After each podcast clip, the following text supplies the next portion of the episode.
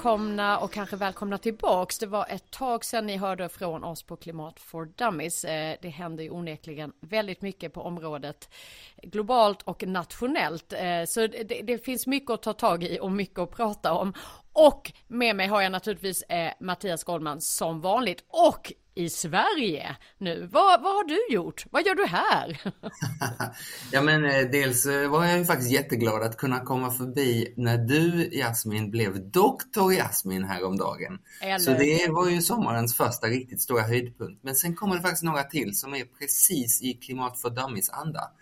Den 16 juni är det det stora klimatmötet som regeringen bjuder in till. Och sen är det Almedalen och den är viktigare än någonsin därför att eh, Eh, direkt efter sommaren så ska regeringen komma med sin klimatpolitiska färdplan.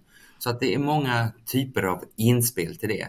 Och eh, ja, men sen är det privat också att dottern och mamma och sådär bor i Sverige och Thailand är långt borta och det är sällan jag är hemma. Så att jag mm. passar på att träffa nära och kära. Ah, det är fint att se dig och det var väldigt roligt att se dig eh, på min lilla eh, hedersdoktorshistoria och också att du faktiskt är här och eh, ja, hjälper till att pusha på eh, viktiga områden. Så det ser vi också fram emot. Ser fram emot vad som kommer hända i Almedalen. Känns som att de här frågorna stundvis på något sätt bara tappar ner på, på liksom våra agendor. Och eh, som sagt, vi vet att detta är viktigare än någonsin. Och det är, eh, om man bara tittar lite tillbaks eh, på att eh, liksom de senaste klimat larmen. Det är havets uppvärmningar, mm. vi pratar om att vi är på väg mot tre grader, vi, många pratar om att vi är kanske, att det finns en risk att vi redan har passerat ett point of no return. Det är svårt att hålla liksom hoppet uppe samtidigt. Vi har studenttider. Det är det enda vi sjunger om. Det är hoppet. Eh, och eh, det måste vi ju hålla kvar vid. Eh, men vad säger du? Hur går klimatarbetet här? Jag tänker att när man kommer hem till ett Sverige där vi redan i maj hade extrem brandrisk i stora delar av landet och redan pratar om att det kan bli vattenbrist och redan börjar se gulnande gräsmattor så fattar alla nog att klimatfrågan är här och nu. Och det är ju både ledsamt och på samma gång en chans för oss att ta tag i frågan. Mm. Igår så var jag och invigde världens första fossilfria kalk. Och det kan ju låta oviktigt men kalk är grunden för både stål och papper, alltså mycket av det som är svensk basindustri. Och sånt där gör att jag håller hoppet mm. uppe och tänker att det kan gå väldigt snabbt när vi sätter alla klutar till. Ja. Så att jag, det, det, är liksom det är en kamp mot klockan och det är på övertid man vinner matchen. Och jag håller med dig och jag tror vi kommer, vi kommer prata om detta men eh, vi ser också, jag ser också mycket som händer i forskning och på eh, i, hos näringsliv, alltså olika företag som faktiskt driver frågorna på ett eh, spännande sätt. Det var mm. modererade samtal igår om framtidens mat och hur det. viktigt det är både för hälsan såklart och för att alla på jordens, hela jorden ska kunna få tillgång till både eh, hälsosam men också mat som går att producera klimatriktigt eh, så att säga. Och det händer jättemycket och det är både företag som driver det och forskningen. Men det vi ska prata om idag, vi är så glada att ha med oss yes. eh, Ola Alterå, kanslichef på Klimatpolitiska rådet. Välkommen Ola, eh, kul att ha med dig här. Det var kul att ha med Ola, men han för, försvann i sin iver att få vara med i Klimat för Dummies. Under tiden vi väntar på att Ola kommer tillbaks så kan vi berätta att Klimatpolitiska rådet, ja det är den här oberoende institutionen som ingår som en del av det klimatpolitiska ramverket och klimatlagen. Där ett råd bestående av experter varje år ska granska den samlade politiken. Hur väl den leder till de klimatmål vi har röstat igenom i Sveriges riksdag i bred enighet 299 röster för och 50 röster emot. Och de kom med sin rapport för ett par veckor sedan och spontant kan man ju tycka att varför hade vi inte en klimatfördömningspodd precis då? Nej, för att det spännande för oss har varit att följa vad blev reaktionerna och det spännande att prata med Ola om är också vad händer i politiken efter att rapporten eh, kommit. Så att det är väl genomtänkt att vi har med oss Ola nu och inte direkt när rapporten släpptes. Hej Ola! Välkommen Ola, så fint att ha dig med. Eh, och precis som eh, Mattias sa, vi eh, har ju väntat lite på att eh, liksom ha med dig här för att vi vill också se vad det var för reaktioner. Ni var ganska eh, kritiska eh, och eh, eh, konstruktiva i er rapport. Och om man läser eh, innantill så kan man ju bland annat läsa att, eh, kan jag bara se här, Sverige har förlorat styrfarten. Och ni konkretiserade med den politiken som den nya regeringen hittills presenterar, inte tillräckligt för att nå klimatmålen för år 2030. Istället för att snabbt minska utsläppen kommer hittills beslutade och aviserade förändringar tvärtom också enligt regeringens egen bedömning att i närtid öka utsläppen. Ola, hjälp oss med här eh, in i detta. Konkretisera, vad är det som brister? Ja, först och främst tack för möjligheten att, vara med i denna utmärkta podd. Ehm, och eh, man ska väl börja med att säga att, att vilket ju är lätt att glömma bort, eh, tänker jag ibland när man, när man eh, eh, sen bekymrar sig för den här utvecklingen som ni beskrev tidigare så att ju Sverige faktiskt, vi har minskat våra klimatutsläpp av växthusgaser i princip varje år under minst ett par decenniers tid.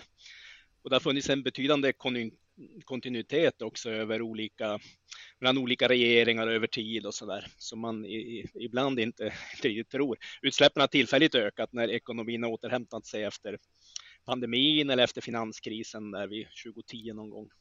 Men det som är nytt och det som bekymrar oss nu är att det finns ett antal politiska, antingen beslut som har fattats av den regering som tillträdde efter valet eller, eller saker som man har aviserat som liksom sammantaget leder till att utsläppen kommer att öka för första gången då på ett par decennier på grund av aktiva politiska beslut och öka ganska mycket under nästa år. Och det ställer ju väldiga krav på politiken att försöka fylla, in, fylla i de här luckorna som uppstår. Eh, någon slags gap i klimatpolitiken. Så det, det, är vårt, eh, det är det som gör oss bekymrade, att vi har liksom tappat styrfarten. Vi var på väg åt rätt håll, även om det inte gick riktigt så snabbt som det borde. Men nu så riskerar det att gå åt fel håll. Mm.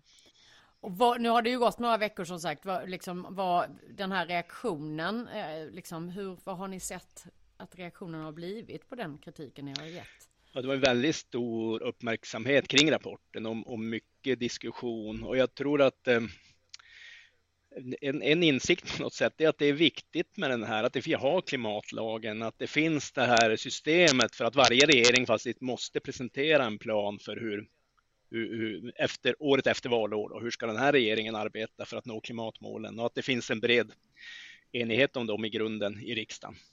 Och det gör liksom att det går inte, det här kan inte bara försvinna ut någonstans och bort någonstans. Så för mig är det ändå en påminnelse om att den här typen av att bygga institutioner och ordningar och tydlighet är viktigt för att göra en sån här stor samhällsomställning som det handlar om över lång tid mm. av historiska mått.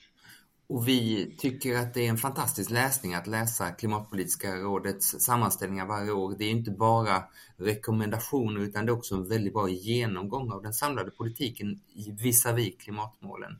Men för, för helhetens skull, Ola, om man jämför bakåt, för ni har nu gjort ett antal rapporter, har tidigare regeringar fått eh, så att säga VG på klimattentan eller, eller hur har det sett ut över åren?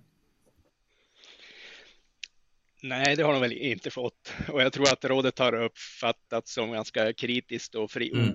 orädd kritik också, också tidigare år. Och eh, eh, igen då, om man ska vara positiv får man säga att vi har, Sverige har nått alla de klimatmål vi har satt upp tidigare historiskt sett. Och vi, det har ju gått snabbare än vi trodde, billigare än vi trodde och enklare än vi trodde. Det tycker jag är, liksom är viktigt att ta med sig. Det ger någon slags Eh, hopp när man ser framåt. Men däremot har ju rådet konstaterat under flera år efter att man skapade det här ramverket och lagen och nya mer ambitiösa mål att i relation till de här nya målen så har det gått för långsamt. Och sen har vi haft eh, Ja, så det var liksom den grundläggande. Man behöver accelerera omställningen helt enkelt. Och sen har det ju funnits saker både i hur den här tidigare handlingsplanen gjordes och hur den inte följdes upp egentligen på ett bra sätt. Och sen finns det ju flera saker i, i olika sektorer och så där som behöver hända. Så att det, det är ju, rådet har riktat kritik tidigare, men vi försöker alltid det sätts vara konstruktiva. Ytterst handlar det om att i någon mening hjälpa politiken och alla de här partierna som står bakom gemensamma mål att, att kunna nå dem och att Sverige ska klara omställningen. Känns det som att politiken uppskattar det här? För att det var ju som sagt rätt hård kritik både nu och tidigare. Det kan man väl få olika svar på beroende på vad man frågar. Men, men i grunden är det ändå min, jag, jag uppfattar att vi har, har och har haft en liksom god relation mm. till alla de här regeringarna som vi har granskat. Och att just den här dagen när rapporten kommer så är det lite jobbigt, för det är klart, och den blir ju lätt ett, liksom ett redskap för oppositionen på något sätt. Den dag, de, de som inte har ansvaret använder den för att rikta eh, extra mycket kritik mot de som har regeringsansvaret och så. Men alla andra dagar under året så är det ju också en hjälp, tänker jag, för på något sätt. Det finns rekommendationer och saker man kan göra för att eh, utveckla saker och vi har gjort olika mm, underlagsarbeten, intervjuat myndigheter och kanske identifierat saker som, som politiken kan förbättra. Så att jag, min bild är nog också de eh, liksom uppföljningar vi har försökt göra, att det, det finns ändå en, en hyggligt eh, positiv bild även från de som blir granskade kring hur rådets roll jag får fråga då också i det här, för ni, i, i era rekommendationer så skriver ni bland annat att utveckla en tydligare övergripande berättelse om Sveriges klimatomställning och att det här är en viktig del av politiskt ledarskap är att ta ansvar för vilka bilder som förmedlas och att dessa motsvarar det långsiktiga ambitioner snarare än kortsiktig politisk taktik.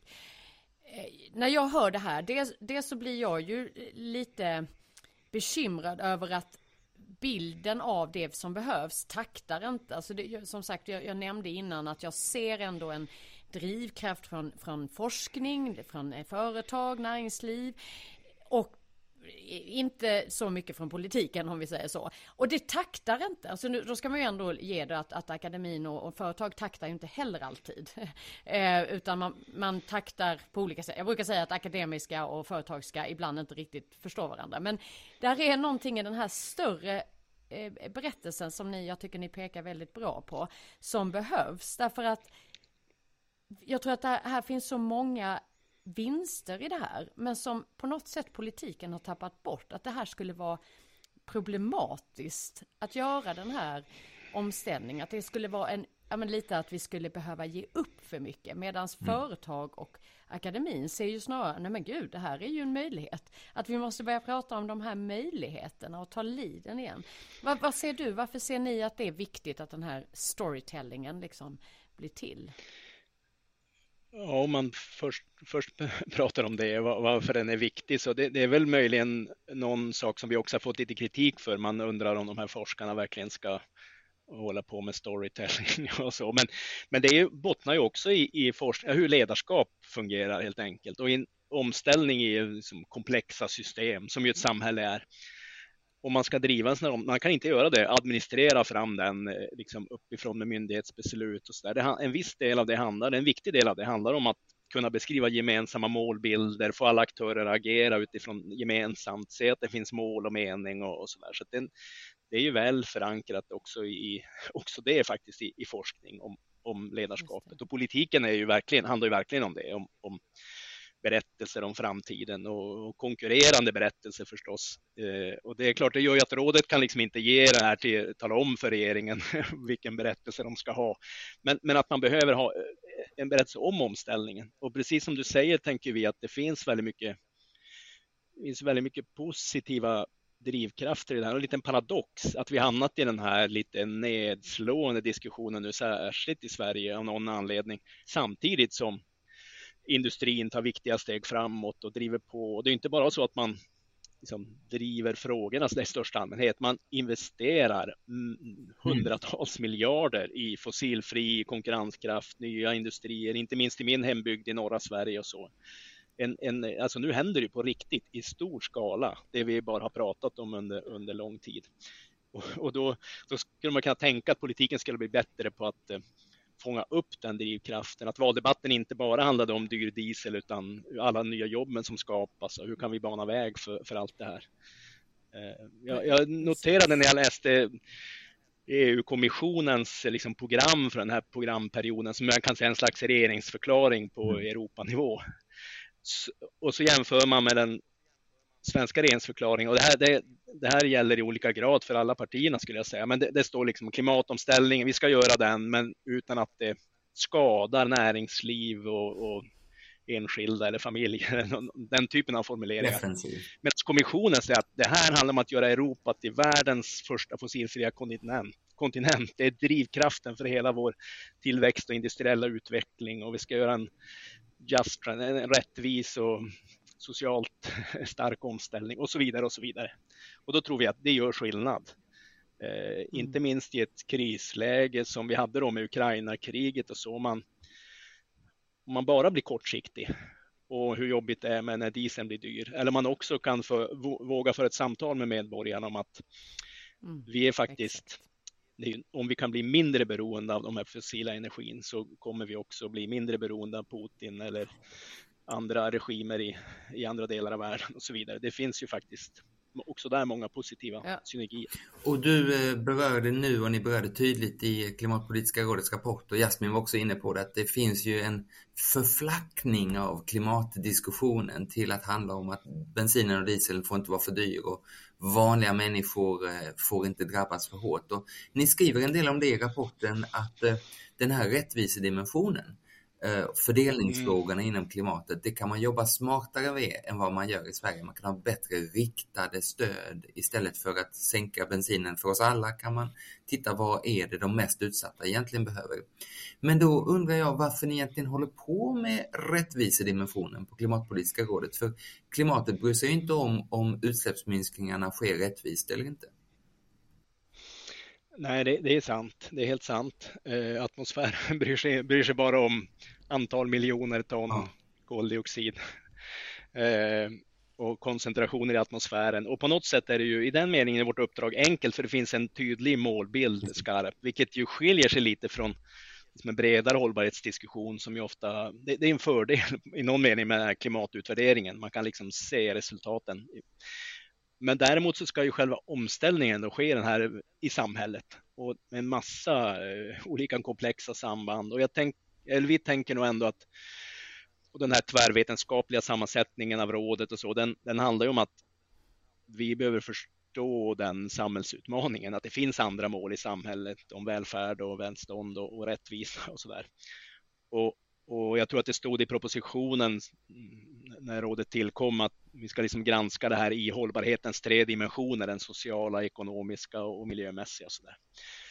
Eh, och, och, vi skulle vara lite lomhörda, eller mm. liksom om vi bara föreslog saker som kanske dessutom då vållade andra miljöproblem, om biologisk mångfald eller vad det kan vara. Så att eh, igen då, vi försöker i bästa fall hjälpa politiken att se de perspektiven, kanske också tänka kring rättviseperspektiven på olika sätt. Det, inte, det handlar dels om ekonomiska frågor, men det kan också handla bara om, om det här känslan att jag är hörd, att jag har möjligheten att få, känna att jag är delaktig i, i, i förändringar och så. Men igen så blir det ju så, det kommer till en gräns där rådet inte riktigt eh, politiken handlar ju till stor del om olika syn på rättvisa mm. till exempel och där, där måste ju mm. liksom partierna göra sin, sin läxa, sitt budskap kring det där. Men, men eh, vi, vi tänker att vi behöver liksom förstå omställningen i ett samhällsperspektiv och hjälpa politiken på ett sätt som inte blir liksom bara teoretiskt eller, eller, eller dövt för andra hänsyn.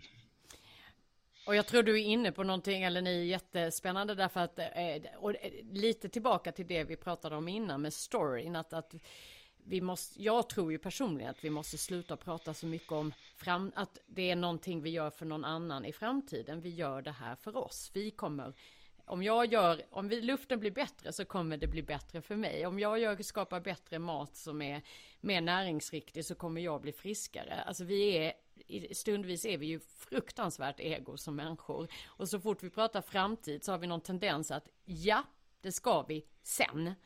Att vi måste tillbaka till storyn kring att vi gör det för oss själva nu. Mm.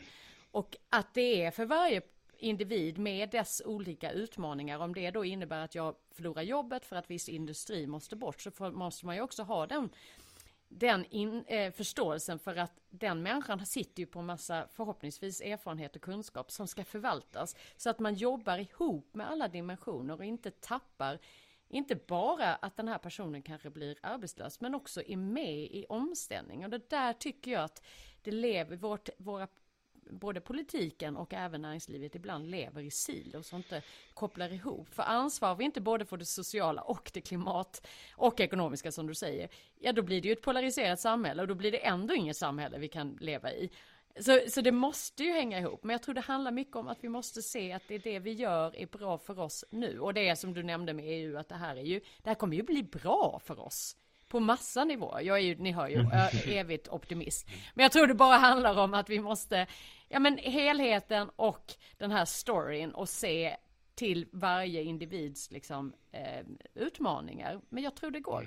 Jag vill bara säga och, Men jag vill ändå tillbaks lite till det här som du, vi var inne på innan med eh, eh med er eh, eh, liksom, kritik och ser du några, liksom, vill du lyfta fram några områden där det särskilt brister i den politik vi ser? Och vi har ju även pratat mycket i den här podden om liksom, allt från reduktionsplikten och som, ja, har ju varit i hetluften ett tag här och eh, energisektorns omställning. Ja, men några, du får gärna kommentera de här lite olika mer i detalj områdena.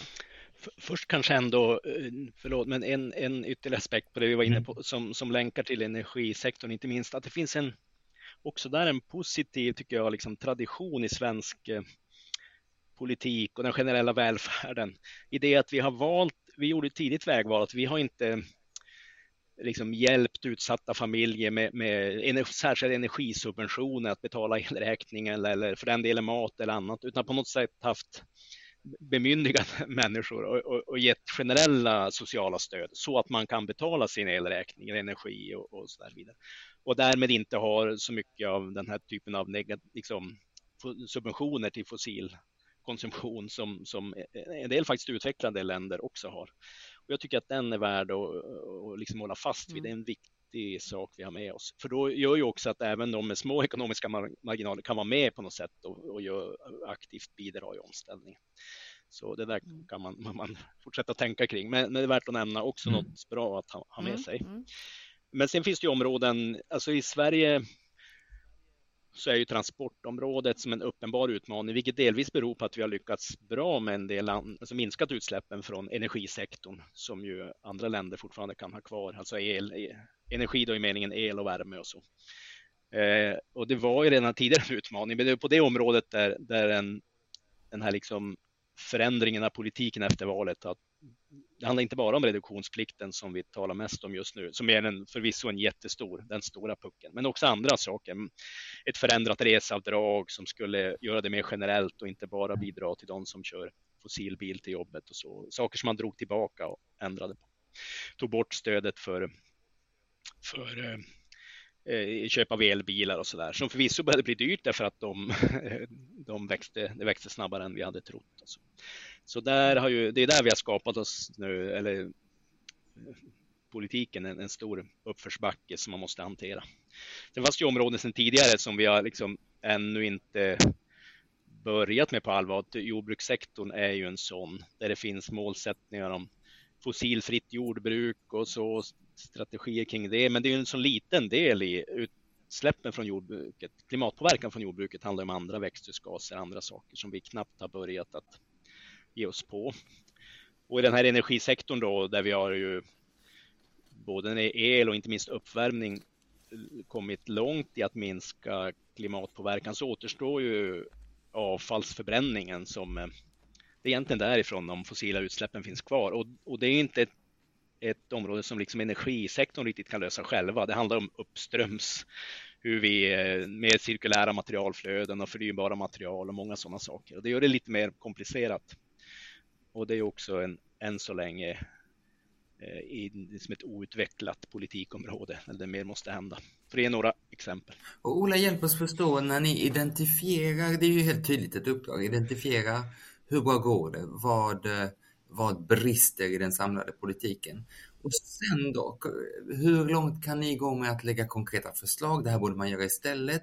Och när ni väl formulerar något som påminner om ett förslag, tar ni det ända in i regeringskansliet och ända ut på gator och torg? Alltså när, när slutar ert uppdrag och kliar i fingrarna att göra ännu mer? Inte minst du som är ex-politiker.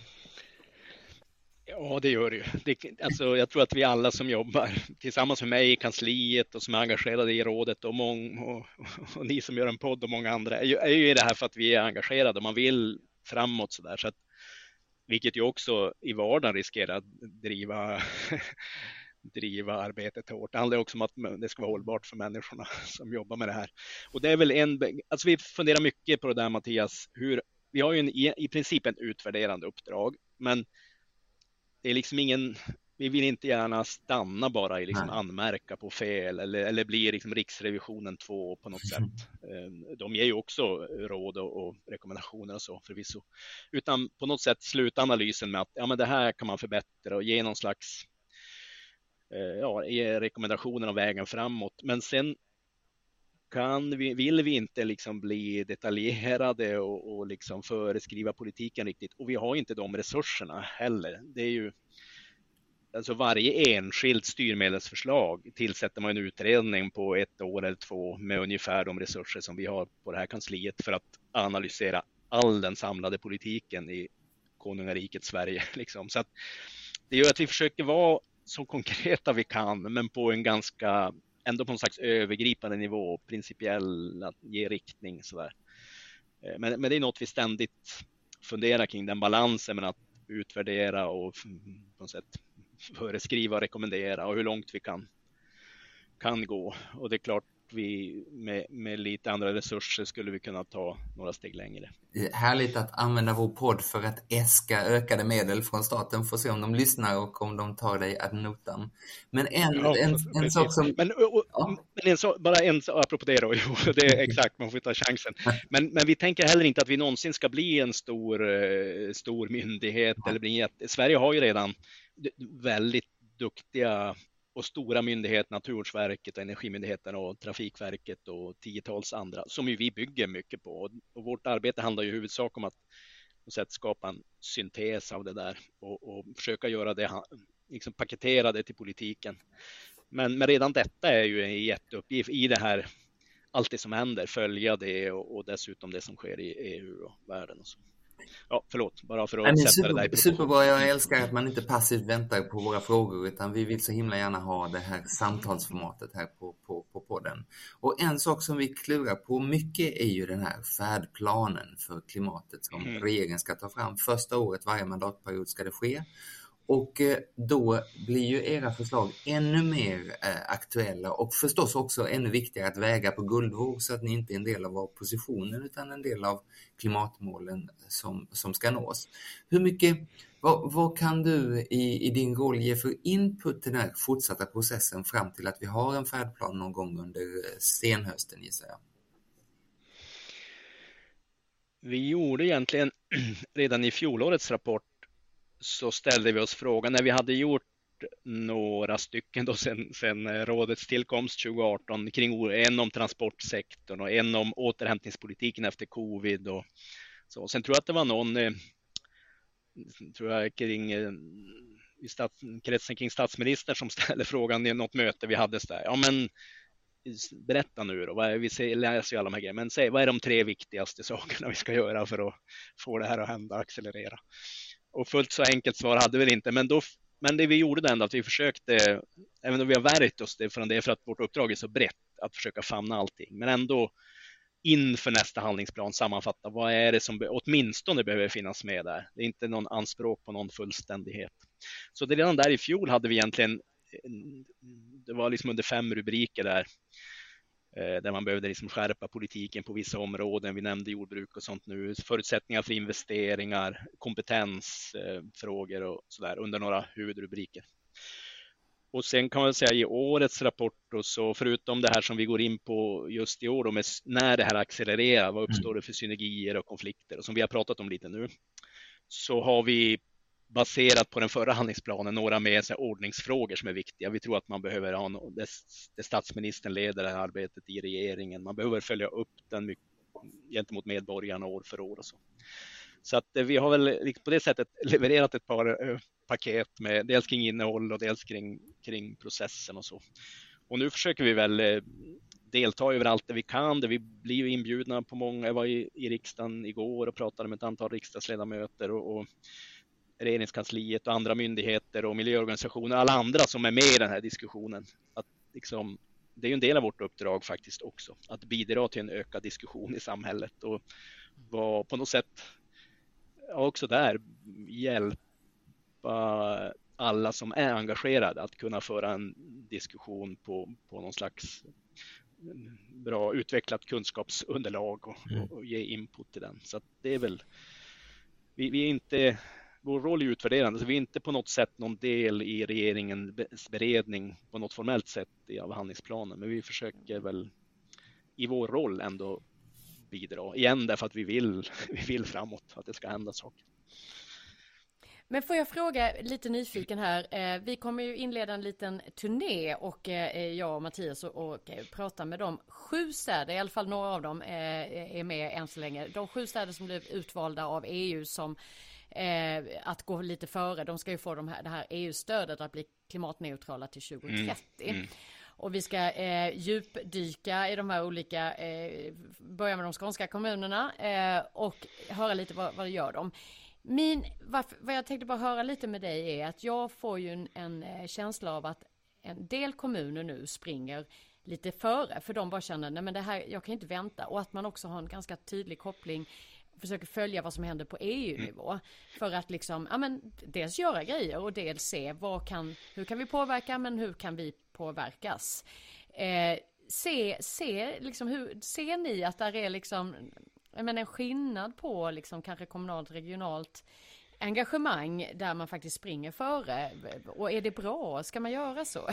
Jag vet inte riktigt hur jag ska formulera det här, men jag tycker det är spännande det man ser. Liksom. Ja, ja, jag tror att alltså, ska vi fixa det här så måste ju alla vara med. Det går liksom inte att delegera här till EU eller, eller regeringen bara eller så. Det handlar om om alla de här demokratiska nivåerna och näringslivet och forskningen och sånt du har varit inne på. Så jag är alla delar positiv till det. Sen är det klart att eh, ja, det finns en diskussion om ibland om olika mål och hur de hänger ihop och sådana saker. Men i grunden så, så behövs det engagemanget och det tänker jag att eh, regeringen och den nationella politiken skulle kunna bli bättre på att både ta vara på det där engagemanget som finns i många kommuner och också tror jag ge dem lite fler redskap att eh, kunna bidra det är ju bland regelverk och så där som är konstruerade för inte för den cirkulära ekonomin utan den gamla linjära eller, mm. eller begränsningar och så där som eh, och vi har pekat på det ibland i tidigare rapporter. Men om ni gör den där turnén nu till sju kommuner i framkant dessutom, kan inte ni summera eh, den där och, skicka jo, till oss sen? Alltså, på frågan liksom, vad ser de var, var är den nationella politiken ett problem för dem? Vad finns det för... Eftersom vi riktar oss i princip till regering och riksdag, men vi kan ju tala om för dem vad de borde göra för att hjälpa kommunerna. Ja men det ska vi ta med oss. Det är en bra ja. uppdrag tillbaka. Och, och liksom jag kan lite kring det här cirkulära. Vi har haft ett antal seminarier just mm. cirkulärt byggande är ju en, högt på mm. tapeten. Och där man ser att man kanske inte på alla olika nivåer inser vikten av att ställa om. Och det var någon som kommenterade att om man inte bygger cirkulärt framöver så kommer du på sikt inte få några investeringar. Mm. Alltså, liksom, det är det hardcore mm. facts. Liksom. Och det, jag vet att det var några aktörer som reagerade och herregud vi måste springa snabbt mm. här. Men då är det ju regelverk som försvårar att, att en gammal tegelsten är dyrare än en ny och så vidare. Och så vidare. Och det finns mycket sånt här att när det väl är avfall, ja men ni vet, så är det, får man inte använda det. Och ibland är det lite tolknings olika tolkning om man får flytta liksom avfall från ett, ett eh, bygge mellan två byggen för att använda på nytt mm. eller om det mm. måste gå via ja, det. Så där börjar ju hända, men även på det som jag hörde igår med livsmedelsdelen att att man har ganska lite liksom, pengar som går till den här, det här området. För man har sett att mat är ju bara mat, det äter vi ju. Men om vi till och med, om man kan definiera det mer också som en del i ditt förebyggande hälsoarbete som också blir en min, minskad kostnad för diabetes och annat så hade det ju kanske också kunnat bli en del av hur vi ställer om. Mm. Alltså att man faktiskt kan tänka många tankar samtidigt. Så det ska bli spännande att höra de här kommunerna. Jag vet att både, i alla fall Skåne, skånska kommuner är ju inne mycket på den här livsmedelsfrågan och vill titta hur man kan vara en del av den omställningen. Och det är ju en, en, en, en utmaning även för kommunerna själva. Om man, till exempel om man historiskt då, om man har en roll att ta hand om avfallet från mm. medborgarna och företagen och allt sånt så är man ju också fast i sitt sätt att tänka. Ska man mm, få kommunen och regionen att fungera mer cirkulärt så behöver man jobba med aktörerna på ett helt annat sätt än om man bara ska komma och hämta avfall och skicka fakturan och så. Så det är ju en kombination av som vi alla behöver göra, hitta yes. andra sätt att tänka och se på problemen men också ja. identifiera där det skaver mot den nationella politiken eller vad det kan vara. Exakt. Och övergripande är det där jättespännande för att vi ser ju, och vi började samtalet där med hur mycket spännande nytt som händer. Det är inget problem att det finns nya elbilar och fossilfritt stål och allt sånt där. Men samtidigt finns ju det gamla kvar. Den jättestora mm. mm. avfallsförbränningsanläggningen som en slags glufs-glufs som behöver fyllas varje dag. Eh, hela tiden är det där det kommer nya goda grejer in men det gamla försvinner inte ut i tillräcklig takt. Vad, vad, vad, vad tänker ni där på Klimatpolitiska rådet? Ja, Nej, det är ju sant. Eh, och man, man behöver ju tänka kring de båda sakerna. Och jag tänker att vi ändå, ja men det finns ju flera positiva exempel på på där vi, där vi faktiskt i, i liksom en svensk sammanhang då har, har, lyckats med båda de här sakerna. Vi har inte knappt någon fossil energi till eh, uppvärmning längre, inte någon fossil energi till elproduktion i princip. Eh, och sådär. Men, eh, ja, men det är väl hitta var i de här olika delarna i, i, i kedjan så att man också kan, kan hjälpa till. Men det, som igen då, men det här avfalls är ju en det handlar inte bara om den här förbränningsanläggningen. De kan, man kan inte lösa problemet där enbart i alla fall. Det behövs göras flera andra saker i, i systemet. Mm. Och jag tror det är lite det du var inne på, att just kunna samla eh, olika, vi, vi, brukar prata om det här att samla olika hjärnor som man vet aldrig vem som sitter på den här lösningen och som ser ett värde i den här, eh, vad det nu kan vara för delar av avfallet som kanske kan bli en ny cement på sikt. Jag vet inte vad. Men där är ju någonting i att vi behöver få fler att samlas kring problemet och, och eh, liksom dela sina tankar kring vad vi kan göra. Och övergripande detta att samla hjärnor, hur löser vi problemet? Det är ju så man hoppas att Klimatpolitiska rådets rapport ska tas emot. Regeringens allra klokaste politiker och tjänstemän sätter sig ner och nu tusan tar vi tag i detta. Men åtminstone delvis så fick vi en annan reaktion. Sverigedemokraterna tycker att ert uppdrag är fel och även en del moderater tycker att ni borde delvis fokusera på annat än det ni gör. Alltså, tas det emot tillräckligt väl? Ligger det någonting i kritiken att ert uppdrag är en, en hämsko för att vara smarta? Um om man börjar med det sista så mm. tycker jag egentligen inte att det finns nästan några begränsningar. Vi har det, där, det övergripande uppdraget att utvärdera regeringens samlade politik som det heter i förhållande till klimatmålen. Och de är ju, handlar om de här territoriella utsläppen i Sverige men bottnar ju i, i det övergripande det här miljökvalitetsmålet som egentligen är att liksom bidra till Paris och den globala omställningen. Och så. så att, jag tycker kanske inte det. Sen är det ju, kan jag hålla med om att det finns saker vi borde kunna göra mer.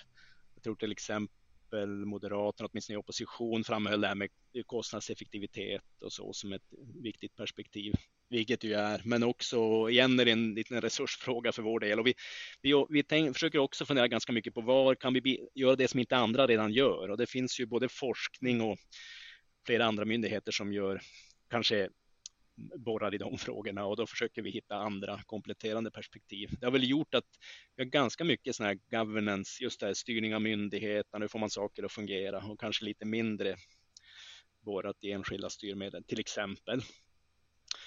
Sen eh, så just det här från Sverigedemokraterna om fel, det handlar väl kanske om att de tänker kring det att det liksom utsläppen måste ju minska i i Kina och mm. USA och inte bara i Sverige och så. Det är också sant. Men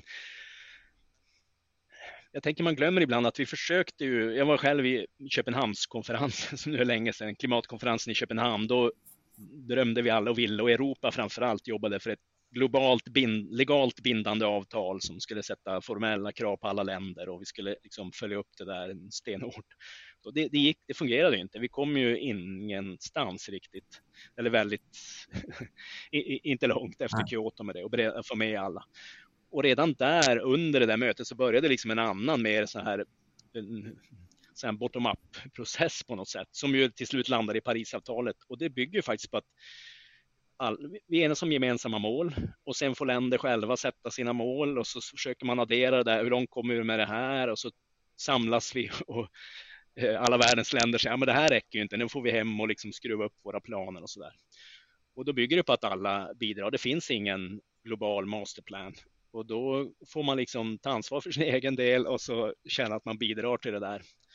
Och då tänker jag att eh, det är lätt att man ska inte under, det handlar om att ta sin del av ansvaret och, och vi har ungefär utsläpp som motsvarar vår andel av världsbefolkningen så det är väl rimligt och sen kunna liksom med positiva exempel och på andra sätt bidra, visa att det går att få ihop omställning och välfärd och så till exempel. Så att jag tänker att det, ja, det, det, är så, det är så det globala arbetet ser ut. Det bygger till sist på att länderna gör, man kan liksom inte skicka iväg det, pucken, till någon annan. Nej, till någon annan. Och sen är vi ju tillbaka, alltså när man hör de argumenten så om man är lite entreprenöriell i det här så kan man tänka sig, fast då missar vi ju chansen att vara det där föregångslandet och ta möjligheten och, och också bli först, först och bäst i klassen. Ja. Tycker och... jag ändå. Men, men det, och sen kan det, får vi ju sluta handla kanske så mycket som vi gör och det kanske kan påverka då utsläppen mm. i Kina bland annat. Och paradoxen är, tänker jag, att ja. den eh, att det, kanske var så ett tag att det med klimat, liksom den som ställde tuffare mål så, så blev det jobbigt och dyrt och så där, möjligen. Eh, men nu är ju läget ett annat. Dels så har vi liksom en självbild fortfarande att vi, vi går så långt före och tar på oss någon tagelskjorta. För det, är inte, det stämmer inte riktigt. Liksom I princip alla utvecklade länder har netto nollmål. EU gemensamt. Vi, vi är bra på vissa områden, andra är det på andra. Det, det, vi sticker inte ut alls på det sättet som vi har möjligen gjorde en period. Och det andra är ju än viktigare, det är ju det som ni var inne på, att, att nu är liksom näringslivet driver, det är fossilfri konkurrenskraft. Mm. Man ser att man behöver omställning för att vara konkurrenskraftig i, framtiden. Och om eh, ni sa någonting om det här med point of no return. Det kan ju vara så i klimatet, även om jag är lite rädd för att liksom bidra till den där bilden att ja. nu går det över 1,5 grader, då är det kört, så är det ju inte. Varje tiondel räknas. Mm. Och det finns lite jobbiga risk, risker för sådana här tipping points som är jobbiga, men i, nej, det finns inget mål, det är, aldrig, det är inte kört. Tvärtom, det är liksom så, men däremot kanske omställningen, när jag nu tänker på det, i någon mening har, har nått sån där point of no return. Alltså det här drivs nu av mm. näringsliv och andra aktörer och sånt. Ja.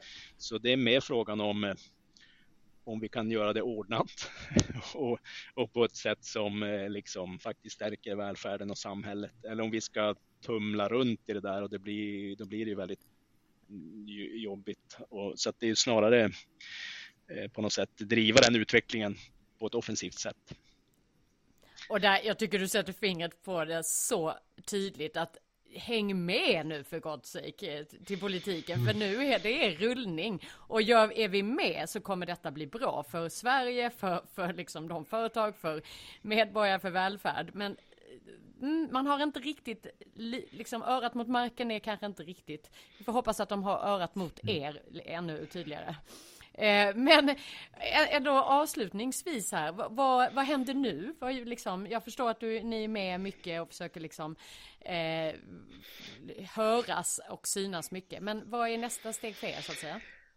Ehm, I vårt interna arbete så börjar vi ju genast, eh, vi hämtar andan lite så får vi blicka framåt nästa års rapport det går fortare än man tror den där. Och man ska jobba dessutom med en så här konsensusprocess med åtta professorer i rådet. Så, där, så det, det, det, det har sin, det, det, kräver sin, en, en, process för det också. Börja, börja redan... Lite tålamod? Eller? Ja, tålamod. Det är, men det är jättespännande. Det är ett privilegium verkligen att få jobba med så kloka mm. människor och med olika, mm, från olika vetenskaper och perspektiv och sånt. Det, det är otroligt spännande.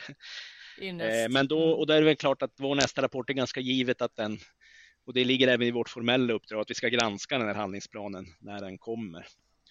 Och, men vi vet ju inte när den kommer, troligen eh, ganska sent på året eh, kan man befara eftersom det är frukten av en, mm.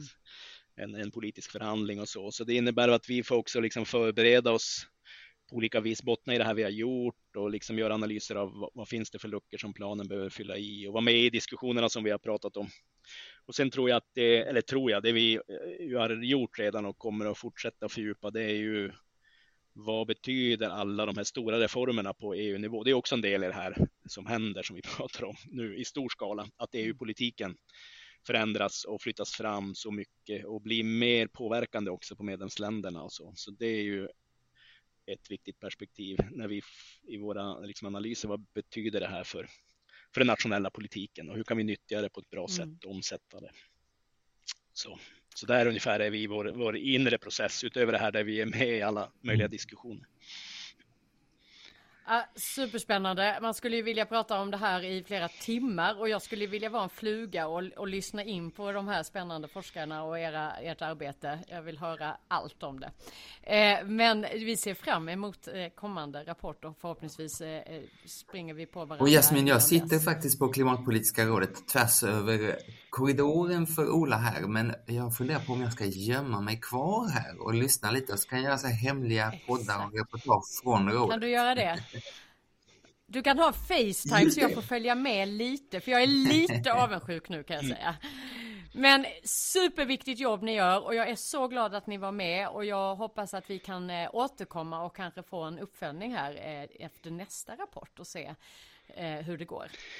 Så stort tack för att du var med Ola. Tack så mycket. Ni är välkomna att återkomma och lycka till. Jag får lyssna på framtida poddar och önska er också lycka till. Det är ju alla sådana här initiativ är också eh, viktiga för dem, som vi har pratat om, det här att vi behöver alla vara med i omställningen och kunna prata om den på, på, på olika sätt i olika sammanhang. Så det, ni gör ju också en, en stor och, och, viktig insats i det. Så tack för att jag fick vara med på ett hörn. Tack för det Ola, alla ska med. Ja, alla ska med. Tack så mycket. Ha det jättebra. Eh, vi kanske springer på varandra i Almedalen. Eh, och för er som lyssnar, tack för idag. Det var allt för oss från Klimat för Dummies. Stay tuned! Så, snart kommer de här uh, djupdykningarna i vad kommun, de här sju kommunerna gör och uh, vi hoppas att ni följer oss där. Uh, och ha en fin sommardag.